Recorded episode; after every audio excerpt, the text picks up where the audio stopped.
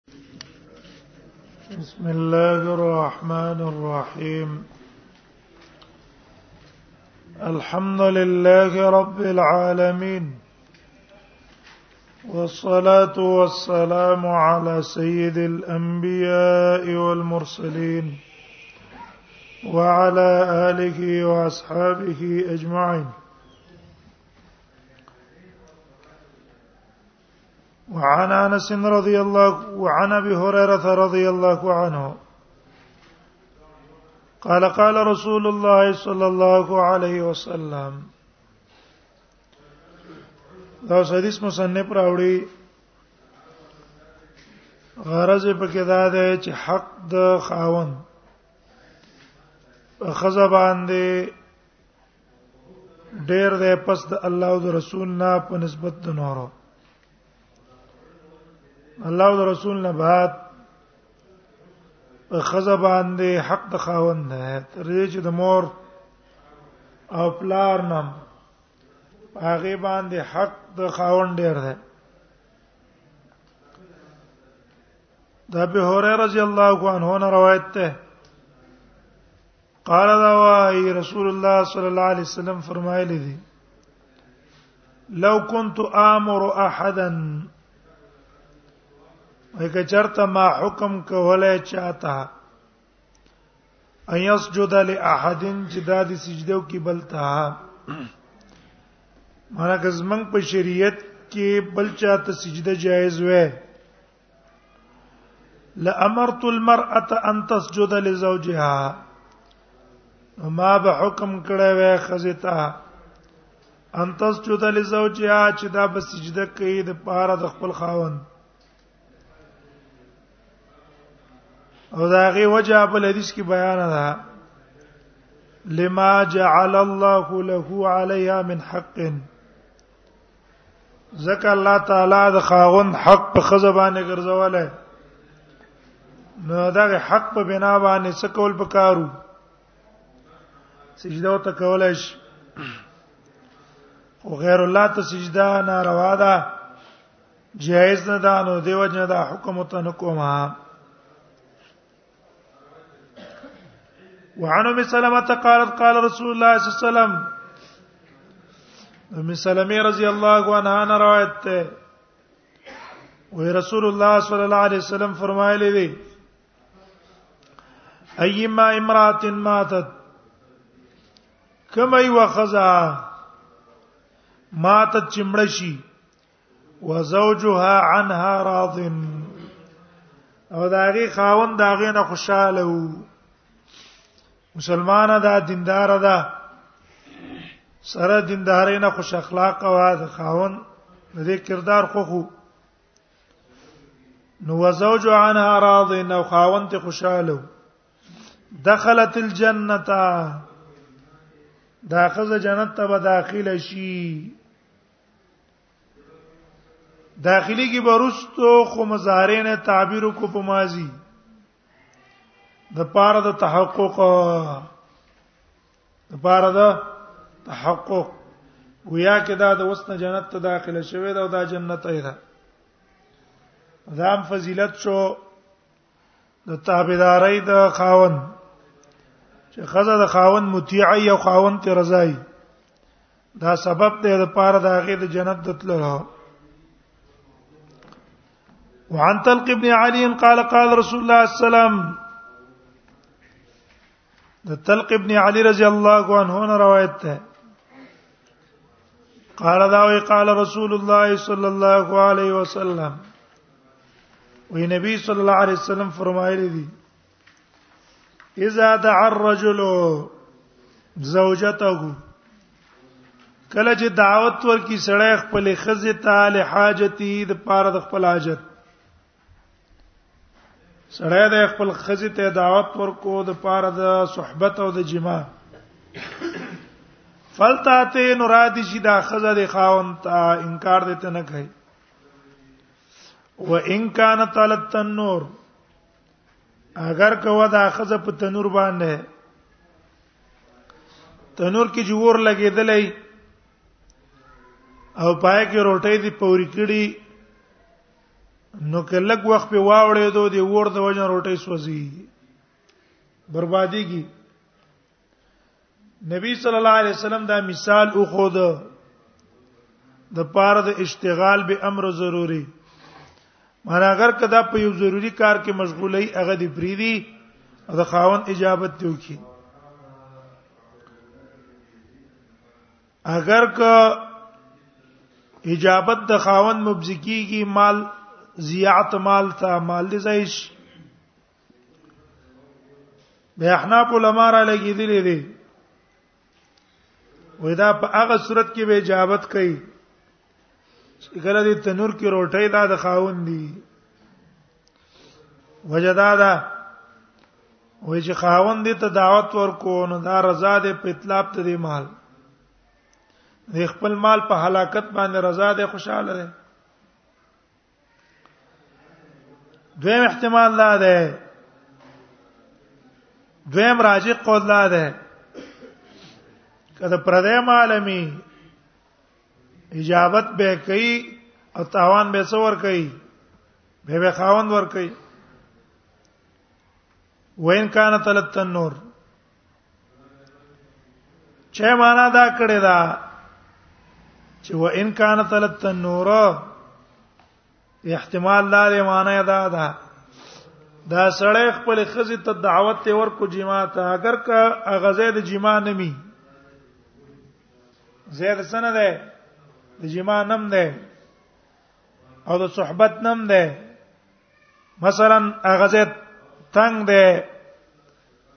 یا وران زه دی بیا بم په دې باندې څنګه کوي دا خزه برا لګي د خاون اجابت بکړي وان کان ترت النور نو بده کې به مبالغه ده غرض د حدیث دا شو چې خزبه د خاون اجابت کوي هغه مخکې مونږ ویلو چې حیض او نفاس دا مانع نه ده ځکه په حیض او په نفاس کې وتی په محل مخصوص کې حرام ده نور انتفاع جائز ده وان حکیم وعن معاذ عن النبي صلى الله عليه وسلم قال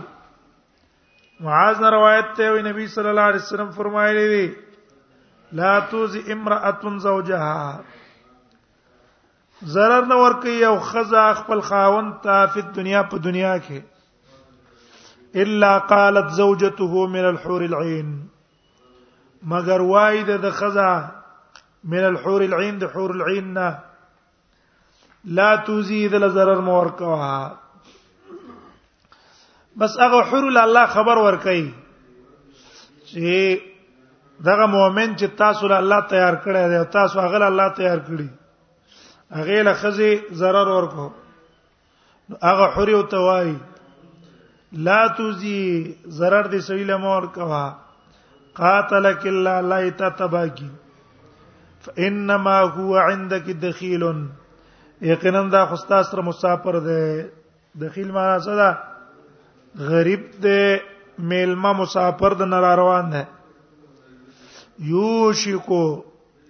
نږدې دا یو فارق کی الینا چې را جدا بشي ستانه مونږ ته غرض د حدیث دی کې څه دی د نبی صلی الله علیه وسلم غرض دا ده چې خزه توای چې ګورا ته د خپل خاوند ته zarar مور کوي چې کله مؤمنی وجداله چې حری تا ته څونه کی حری تخیریونه کی ځکه چې خاون له zarar څوک ورګي نو حوري هغه ته به خیره کې چې الله تا تبا کی ولې دا کار کوي وقال الترمذي هذا حديث غريب ونكيم بن معاويه القشيري ده حكيم ابن معاويه القشيري نه روایت ده عن ابي ده د خپل پلان روایت کې چې معاويه قشيري ده قال يا قلت يا رسول الله ویما ویلې د الله پیغمبره ما حق زوجة احدنا څه د حق د خزې د یو تن زمنګنه علی په دې سړی سړی باندې د خزې څه حق ده دا وراله کې د خزې حق به ادا کړي قال بي فرمایل ان تطعمها اذا طعمتها خوراک باغی ته ورکم اذا تعمت ازکه ته خوراک کې دا سوي لګيږي اذا تعلیلیا خوراک باغی ته ورکه پستا په ذمہ باندې داغي خوراک ده ول استعمت ازکه ته خوراک کې ته خوراک ته محتاجي هغه خوراک ته محتاج ده او دا نه چې اذا طعمت په کم ټیم کې چې ته خوراک کې ته به خوراک نه کې نو هغه له خوراک نه ورکې هغه ته خوريو کنه خوري هغه له خوراک ورکې بالمعروف وتکسوا جامع بول ورکې زکت سیت زکت جامع چې هدا میزات عادلیه ده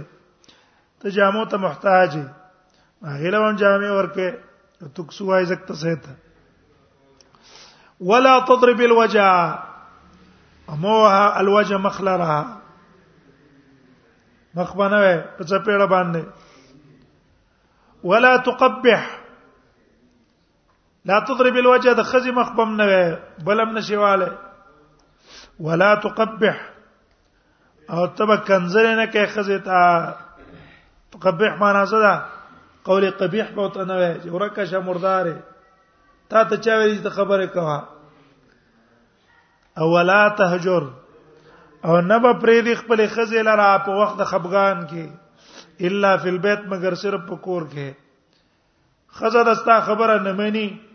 او ته دې ست خپش وې او ته دې نه بیکاټ کې دا بیکاټ به په کور کې کې د ظاهر د حدیث ته معلومیږي چې د خزینه سړی خفغان کوي هجران نو دا په کور کې دن نه هجران دار خبرو سم کوا خبرو سم کوا بس صحبت سم کوا دا دې لپاره چې هغه ته په دې باندې لږ زور ور رسیږي او بار هجران جائز نه ده لیکن بار هجران جائز ده امام بخاری په باب یې او پاس حدیث راوړی ګور رسول الله صلی مشروبه ته خطر ده کنه مشروبه مشروبه د بیت نه بار وکنه وا دیو جن علماء وای چې ته مخزه اندازې ته وګوره کچر تخزتا کور کې په هجران باندې څه پیدن زور نه رسیدو بار تیوزه کور ته پرېدا بیٹک اجره تلاړ شه او که په بار باندې وتا زور ډیر نه رسیدو په کور کې هجران باندې ته زور رسیدو په کور کې څوکا هجران وکاوسه ځکه مقصد د اجران څه دی تربيت ته خزه ته کنه چې به د شيخي عادت ونه کی ولا تهجر فی البيت الا فی البيت رواه احمد وابو داود وابن ماجه ولقيت ابن صابره د لقیت ابن صبران روایت ده قال دا وی قلت یا رسول الله مولد الله پیغمبره ان لی امراض ما یو قزدا فی لسانها شی و دې په جبه کې شی اون س اثر دی یعنی البذا بدی خبرې دی بزاوې لګی زتا بد اخلاقی وې دا الله نبی زما خزا ده خو بس خلینه چې تخه خبره نه وځي هر وخت داړلې باج وخت کې خزای چې ته د خلینه به ښه خبره ونه وځي بس هر وخت ګیلې هر وخت داړل هر وخت جنگ پسته خبره داغه د خلینو وزینه قال نبی صلی الله علیه وسلم طلق است طلاق کا بد اخلاق خزه سکه زندگی دې ځان له خراب کړي ولې بارم سړی تنګي په جنگي او کوړتم چې راړ شي په جنگي بس ټوله زندگی دې جنگ جنگي جنگ خود کور خود دې د پاره ده زړه کور ته دن لاړ شي لک آرامو کې په کور کې دماغ ته سکون ورسیږي حرام ته ملاو شي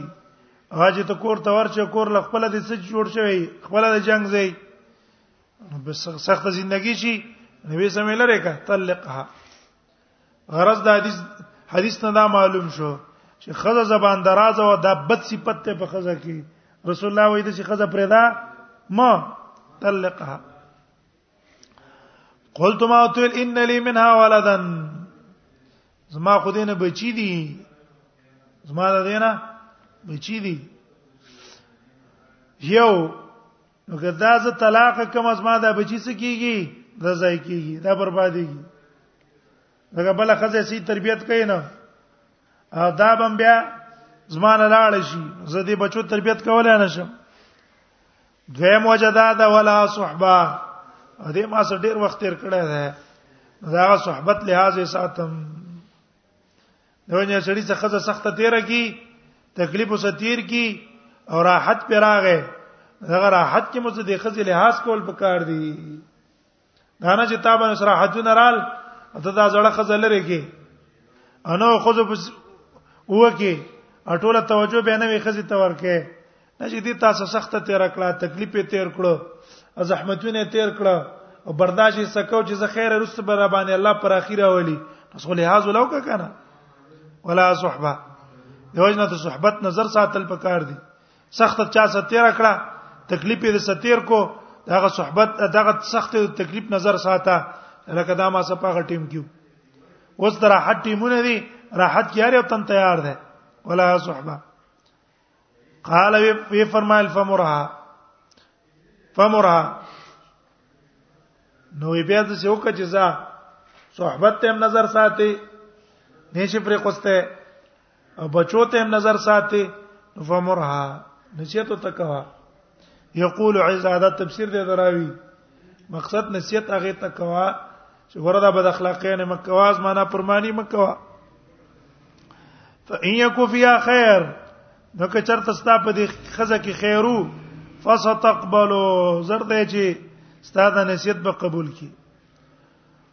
ولا تضربن زعينتك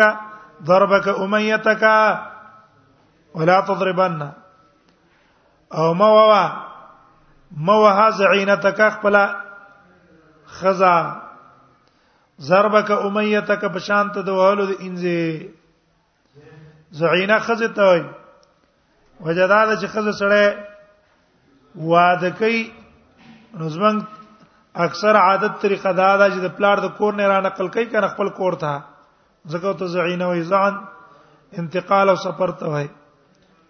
ضربک امیتک به دې مطلب نه چین ځوا دا بنا ده په عادت اکثر عادت کې خلک انځي وای کنه خځه سره سم معاملې مکوا غرض د دې جملې تنفر ده د دین چې د خځې سره معامله بد مکوا وعن یاس ابن عبد الله قال قال رسول الله صلی الله علیه وسلم دی یاس ابن عبد الله نه روایت ده دا وی رسول الله صلی الله علیه وسلم فرمایلی دی لا تضربوا ما الله وی تاسو مو وی اما الله انزید الله اخذی دین زوند کی حیثیت ته دا بنووي نو خزي د چې پته ولګېدله اما الله مراد ته نه دا خزي ستاسو دي چې دا د الله انځي دي چې خو ته پته ولګې چې خاوندان مسلمان شواله نو هیڅ تل کله قرانه شروع کړو نفجا عمر راغ عمر نبی صلی الله علیه وسلم ته فقال نبی صلی الله علیه وسلم ته ویل اې د الله نبی زائرنا النساء زړور شوي په مونږ باندې زنانا ضمیر امر راغله له فاعل اسم ظاهر امر راغله علا زواجن په خپل خزو اې دا الله نبی خزي زړه ورې شوې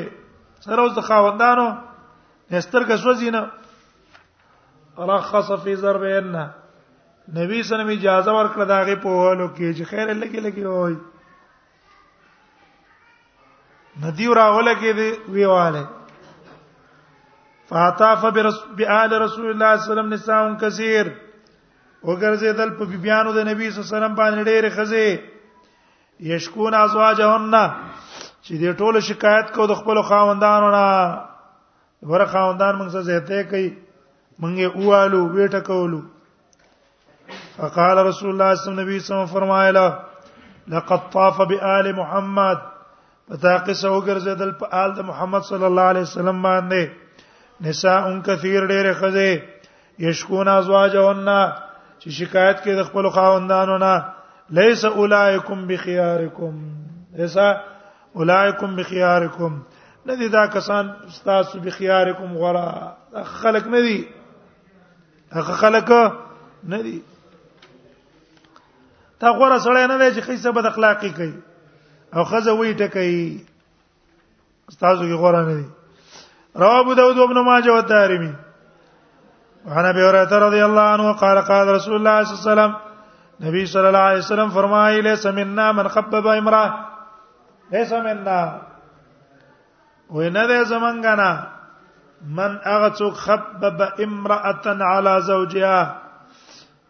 چې دوکه ورکی خزه لره په خاون په خلاف او عبدن یا فاسد کی غلام علی سیدی د خپل مالک سره خبما معنا څه ده فاسد ول فاسد ول معنا ده خزه خاون خپل منځ کې خ جوړ دي اوس یو سړی راغی ایسته د دې خزي بدن خاون ته بیان کړي مړه ته دا خزه دا خود سي دا دا خود سي دا دا خواغه سي دا ست د خاون په ځړه کې څه پیدا کو افراته د خزه نه پیدا کو یا د خزه تراغه شیطانت یو کو استا خاون ته خبره هغه د پردو خزو سیلین ساتلې ده او پلان کې دی او دا دی هغه دی ما خام له خاون راغې به زخزي دغه بدل لې چې جنگ پیدا کو فساد پیدا کو دا جایز نه دی من خبب امراتن دغه چې کور کې خزا او خاوند خپل منځ کې جوړ دی نو دې ورانه ول نه دی په کار چې سړی وران کی ډېر کرته اکثر دا کور کې خواخې د ننګور سره کله ورانه یې کړه هغه بس دا وی چې ولې دا خزو خاون سره رضا دي او یې بستانه غلام جوړ کړی دی او پلان کې کړی دی او دا چل دی واغه چل دی او کله به یې رضا دي بسترې شیطان دی فلان دی کاسي خبرم کوي دا به اجازه ما خبرې کوي کاسي خبرم کوي دا وې ما خبرې کوي نه دا شي نه دي کول پکار شکر پیستل پکار دي خدای چې پکور کې څه ده جوړه دا اتفاق ده خبب امراتن اکثر خلک د قصې کوي علا زوجها او عبدا علی سیدی یا غلام په خپل سید باندې رواه ابو داود یا کله جنې دا هغه یو الک سره تعلق ولانو ساتي اوس دا جنې را لګي دی الک ته کومه دی په دې شرط باندې دا خزه بلره کې هغه جایز نه ده کې ویکا کني خبرونه تیر شه انا به اوره رضی الله عنه وعن عائشه رضی الله عنها قالت قال رسول الله صلی الله علیه وسلم عائشه رضی الله عنها روایت رسول الله صلی الله علیه وسلم فرمای ان من اکمل المؤمنین ایمانا یقینا کامل په مؤمنانو کې په اعتبار د ایمان احسنکم خلقا هغه یو تن دی چې خې په اعتبار د اخلاقو نه معلوم شو چې په ایمان کې مراتب دي زیادت او نقصان ایمان قبلای ولې نبی صلی الله علیه وسلم اکمل مؤمن ویل کنه چې اسم تبذیر استعمال کړه معلومیږي دي په مقابل کې ایمان کې څه دي ناقص دي کنه ډیر کامل د مؤمنانو په اعتبار د ایمان احسنهم خلقا هغه څوک چې ښه اخلاق والای ټیک شو عام مخلوقات څخه اخلاق چلی حسن خلق څه ته وي رستو براش خا اخلاق دې ته وي چې ته د شری مطابق په ټوله ژوندۍ چلې حسنهم خلقها والطفهم باهله او هغه څو چې ډیر نرمي کوي د خپل اهل سره د خپل اهل سره کوي نرمي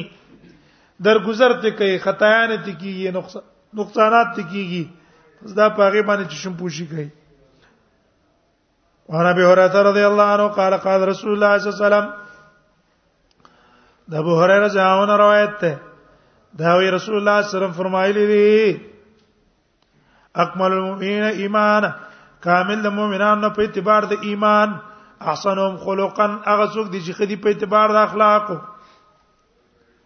وخياركم خياركم لنسائم غره په تاسو کې خياركم لنسائم هغه څوک دي چې غوري د پاره د خپل خوزو په تاسو کې چې کم یو تند خپل خوزو سره خزندګي تیرې هغه په تاسو کې غوړه ده رواه ترمذی وقال هذا حديث حسن صحيح وروى ابو داود الى قول خلقا وعن عائشه قالت قدم رسول الله صلى الله عليه وسلم غزوه تبوك د عائشه رضی الله عنها روایت ده وراغه رسول الله صلی الله علیه وسلم د غزوه د تبوک نه یا د حنین نه شک ته دراوی تبوک د شام سره والا سره جنگو ټیک شو شام ته نږدې ځای ده غزوه العسره متوج په نهم کال هجرت باندې شوی و نام کال یا د حنین حنین فتح د مکه کې وا مکه چې فتح کدا غینه بعد په هوازن او په دې علاقو باندې حمله کړې و یا د دین واپس شو وفي سهوتها سترن او د دې په تاخچه کې او پرده وا سهواغه تاخچه ته ویل کیږي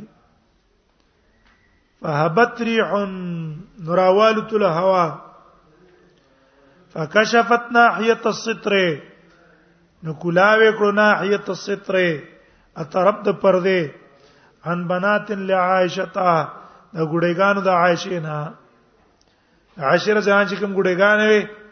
پرده تی پورته شو هغه کار کړي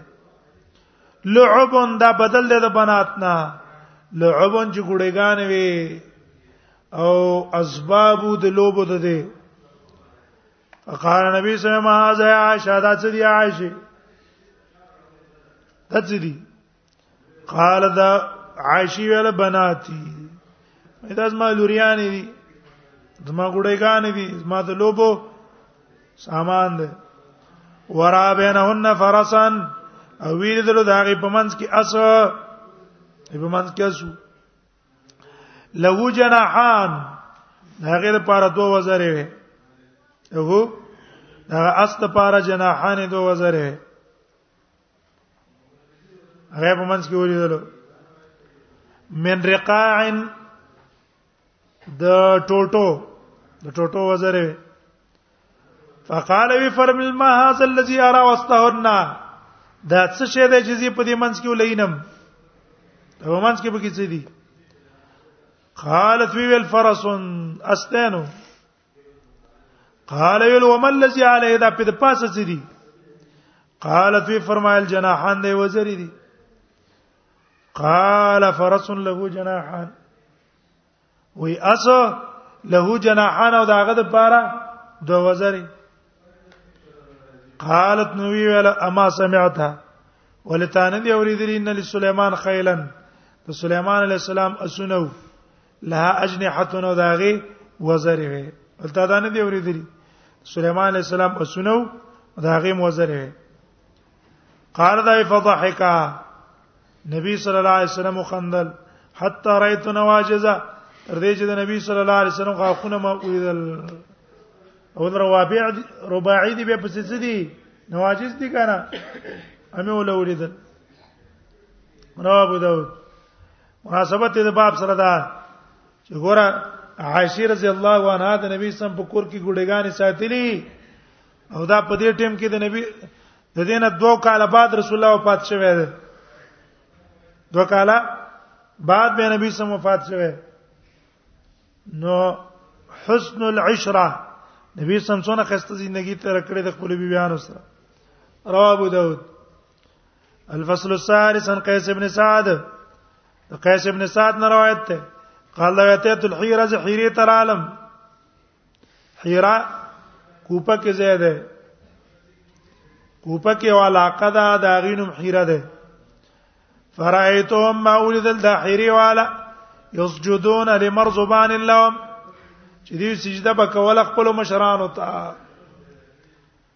مرزبان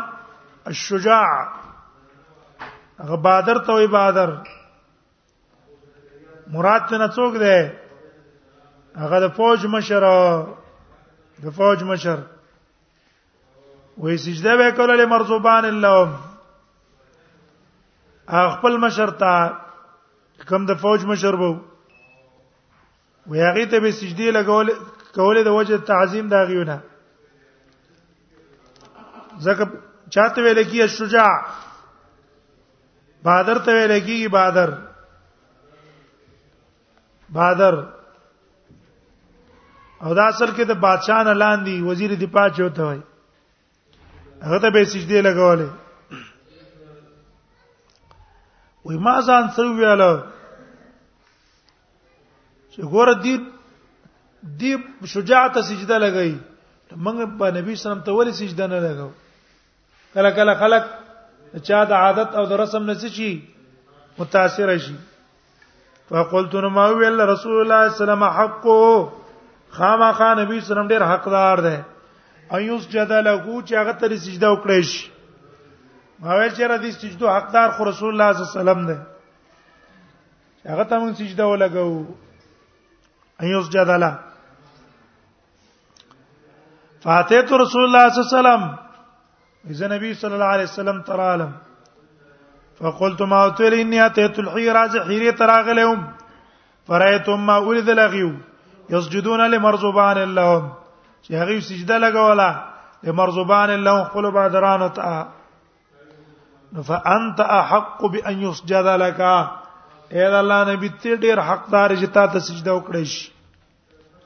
فقال لي نبی صلی الله علیه وسلم ویلو خبره ما ته وکړه زما د سمجاول د پاره ارایت لو مررت بقبره خبر راکا لو مررت بقبري کته تیر شو زما په قبر او كنت تسجد لا ته بس ما قبر ته سجده کې قلت لا ما ته نه سجده خو نه کوم ستا قبر ته سجده نه کوم فقال وی فرمایل لا تفعلوا مکوې دسه ټیک دا او وخت ته سجده نه کوي اوس مکوا لو كنت امر احدا ان يسجد لاحد کما حکم کوله شاته چې سجده وکي بلتا لامرت النساء يسجدن لازواجهن ما به حکم خذو تکړه وې چې دې سجده خپل خاوندانو ته وکي لما جعل الله لهم عليهن من حق زګه ګرځولې الله تعالی دې خاوندان د پاره په دې خزه باندې حق ها خاوندانو په خزه باندې حق ده ډیر په نسبت دار چا الله او رسول نه بعد دیو جن ما باغی ته حکم کړی غیر الله ته سجده نه ناروا ده وګوره نبی صلی الله علیه وسلم زمنن دې سمجاو کو چې د مرګ نه بعد سجده کې وای نه نو وګوره د سجدي مستحق هغه ذاتي چې په پنا ناراضي زنن ژوندې ما سبا برا باندې پنا راضي او چا باندې چې پنا راضي هغه مستحق د سجدي نه وي وعن عمر د عمر نه روایت ده هغه د نبی صلی الله علیه وسلم نه روایت کوي قال نبی صلی الله فرمایي لا يسأل الرجل تپوس بنشي کېدل د سړی نه فيما ضرب امراته عليه هغه سکه چې وهلي خزه پاغي زړه راولګه د خپل خزه واله خو په شرط دی چې په حدودو کې دنه والی نه چړو کې په مات کو لاسې په مات کو جړو کې ما لاسې مات کو یا زخمی کړه هغه ته پوسټ کولای چې چاله کتون حق ستاد والو ولیو اسی معمولی والا رو والا حدود کې دنه خاون نه به ته پوسټ نه کې دا خزه دې په څه کې والي کې دی شي چې د دې او د خاون په منځ کې پټ راځي هغه په وجه خاون ته خپشوي والی ابا کار کول نه دیو نه ته پوس پته نه کې دا دې په سند کې داوود ابن یزید الودی ده داوود ابن یزید الودی هغه ضعیف ده وعن ابي سعيد قال جاءت امراه الى رسول الله صلى الله عليه وسلم ابي سعيد الخدري نه روایت ده ویراله یو خزه نبی صلی الله علیه وسلم ته ونحن عنده موږ د نبی سم په خوا کې فقالت نو ویل زوجي صفوان ابن المعطل وې زما خاون چې صفوان ابن المعطل له یضربني اذا صليت وای ما وای چې زکله مونږ کومه ويفطرني روزه را باندې ماته اذا سمت چې کله نپلی روزه ونی سما بل ولا يصلي الفجر او سار مونږ دانه کوي حتا تطلع الشمس تر دې جنور روخيږي نور خاتنه بعد سار مونږ کوي قال یو صفوان عنده او صفوان هم د نبی صلی الله علیه وسلم په خوا کې ناستو صفوان عنده د نبی صلی الله علیه وسلم په خوا کې ګوره د حدیث نه معلوم شي چې صفوان ابن معطل خزه کړه دا وعده کړه دا غ صفوان ابن معطل له چې منافقانو تهمت لګولې په عائشه رضی الله عنها په ده چې دا د صفات شوی او روایت د بخاری کې دی چې صفوان ابن عطل بویل چې والله ما کشفت کنف انسا قط او دلته دی چې ګوره خزه کړی دا الته هغه حدیث یا معنا دا ده کش کنه ما کشفت کنف انسان مراد بدکاری ده زنا او د بدکاری په طریقه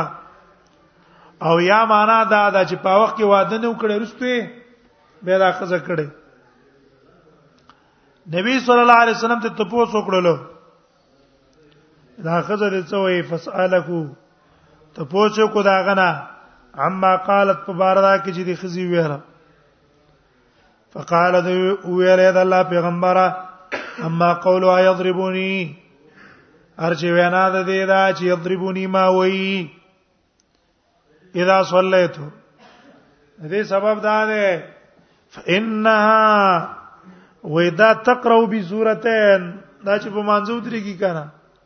په یو رکعت کې دوه دوه سورتونه یو ځای کوي زه ته یو سورت ته او مثلا مونږ کوا دونه وګت مونږ ضرورت نشته وقت نهیتها ما دا منع کړی دا قال دا وی فقال له رسول الله صلی الله علیه وسلم دا فقال له رسول الله صلی الله علیه وسلم نبی صلی الله علیه وسلم ویل له د دې صفوان ابن عطل د تصدیق په اړه کې له ورې تصدیقه ستا خبر ټیک ده یو صورت هم کافی ده سره لو کان سوره یو صورت سره وللی لکفت الناس دا ټول ته په کافی کیږي ٹھیک شو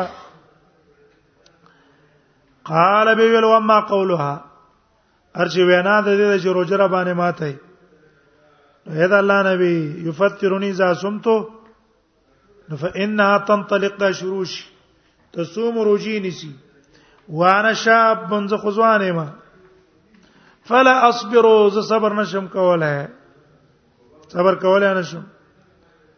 خاوا خسته روزه ما نه ماته شي ما نه جما اوسرو کما د ورځې فقال رسول الله صلی الله علیه وسلم ویل سیدا لا تصوم امراه الا باذن زوجها روزه باندې نسی نپلی خزا الا باذن زوجها مگر په حکم د خاون ها خاون نه به حکم طلب کوي صراحتا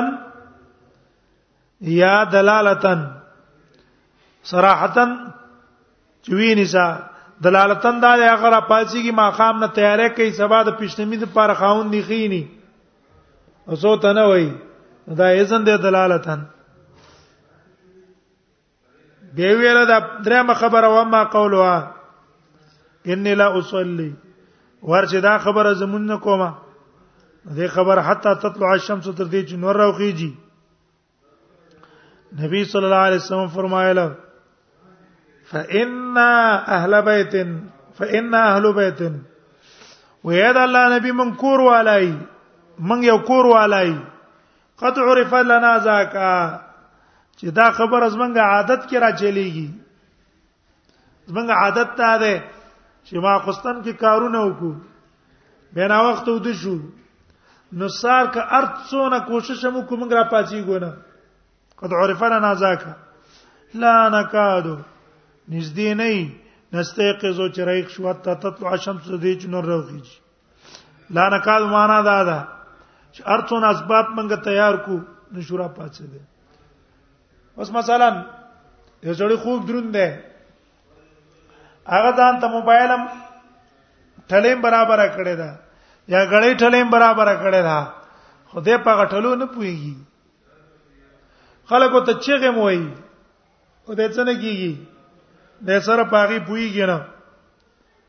ترون خو به کنه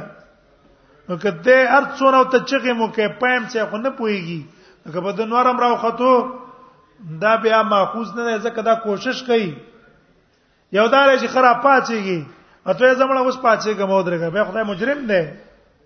اڅه ده هغه به مجرم دی انا کادو نستيقظ زدینې چې موږ را پاتېږو تر دې چې نور راوخیږي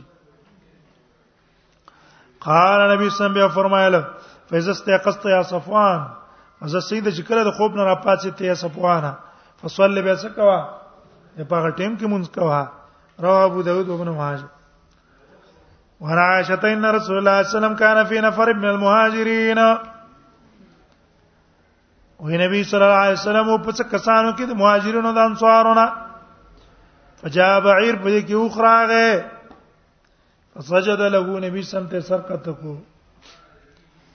فقال اصحابو نبی سلام صحابو ویل اے الله نبی تسجد لك البهائم سجده کې تا ته دا ټول حیوانات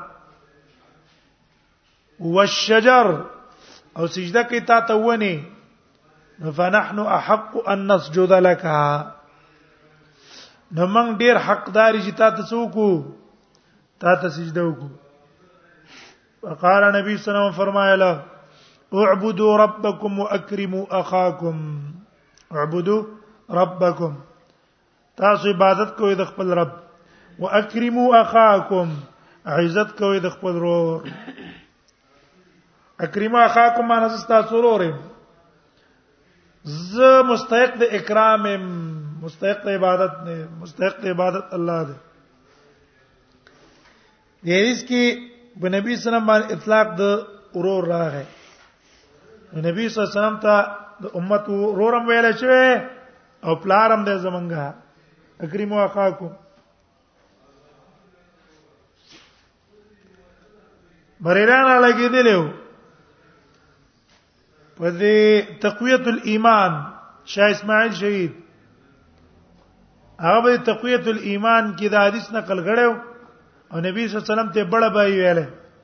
موږ مشرور نو بریران را لګیدلی په هغه باندې فتوا د کوپر ور کړه دا کافر شوی دی ذکر رسول الله صلی الله علیه وسلم ته څه ویلي بڑا بای ویل واز دا جهالت خبرې دي دلته نبی صلی الله علیه وسلم ویلي اخاکم کنا بل روایت نه دی لودت لو رایت اخوانی زما دا خوخه درمان دی چې ما خپل رونه لیدل صحابه ته اولن اولسنا اخوانا ک یا رسول الله ستاسو کې موږ رونه نه د زمونږ رونه نو اکرموا اخاکم تاسو عزت کوئ د خپل وروره ولو كنت امر احدا او کما حکم کوله یو تن ته چې سجده کی بلتا لا مرت المرأه ان تسجد لزوجها ما به حکم کړه خزه ته چې دا د سجده کی خپل خاوند ته ولو امرها او کتی خاوند حکم خزه ته وکړو ان تنقل من جبل اصفر نقل دي کی کانی من جبل اسفر د زیړ غرنا الى جبل اسود تور غرتا ومن جبل اسود الى جبل ابيض او د سپینا د تور غرنا سپینتا کان ينبغي لها ان تفعله په کاردار چې خزې دا کار کړي اگر کیڅ پیدا پکې نشته دا پیدا کار دی به پیدا کار مولا په کار دی چې کم امر کې پیدا خو په طریقه ولا ولا کول په کار دی د حدیث نه معلوم شو دا چې خزه به د خاوند خدمت کوي بالمعروف عرب مطابق چې کوم دی دا خدمت په لازم ده لازم ده دیانتن هم قضاءن هم پراجی قول اگر که د احناف په نسبانه دیانتن په لازم دی قزان په نشتا او د نور علما تقریبا د قصې مذهب دی شوافیو د دیو ټیک شو سیدا د جنت دیانتن او قزان با دا کوي دلیل په حدیث د جابر ده جابر چې کونډه خزاو کنه وی سم ته څو ویاله دې او ته چې د الله نبی زما خويندو خدمت څوک نو دا رنګ مخکې حدیث د فاطمه تیر شو کنه غلام چې ته نبی صلی الله علیه وسلم راوستو خو دې پر راوستو چې هغه شکایت کړو چې د خدمتونو د وجه ملاسونه څه شي وی دي دې کې میچن اثر کړه او په ولو مې کې مې د مشکو پټ اثر کړه ده رسول الله صلی الله علیه وسلم ول غلام زکه ورکاو چې خدمت وکاو خزو او ټول صحابياتو خدمت د خاوندانو کړه نبی سم ته دانه دی چې دا ولې کوي وبنرسي ګوزي بس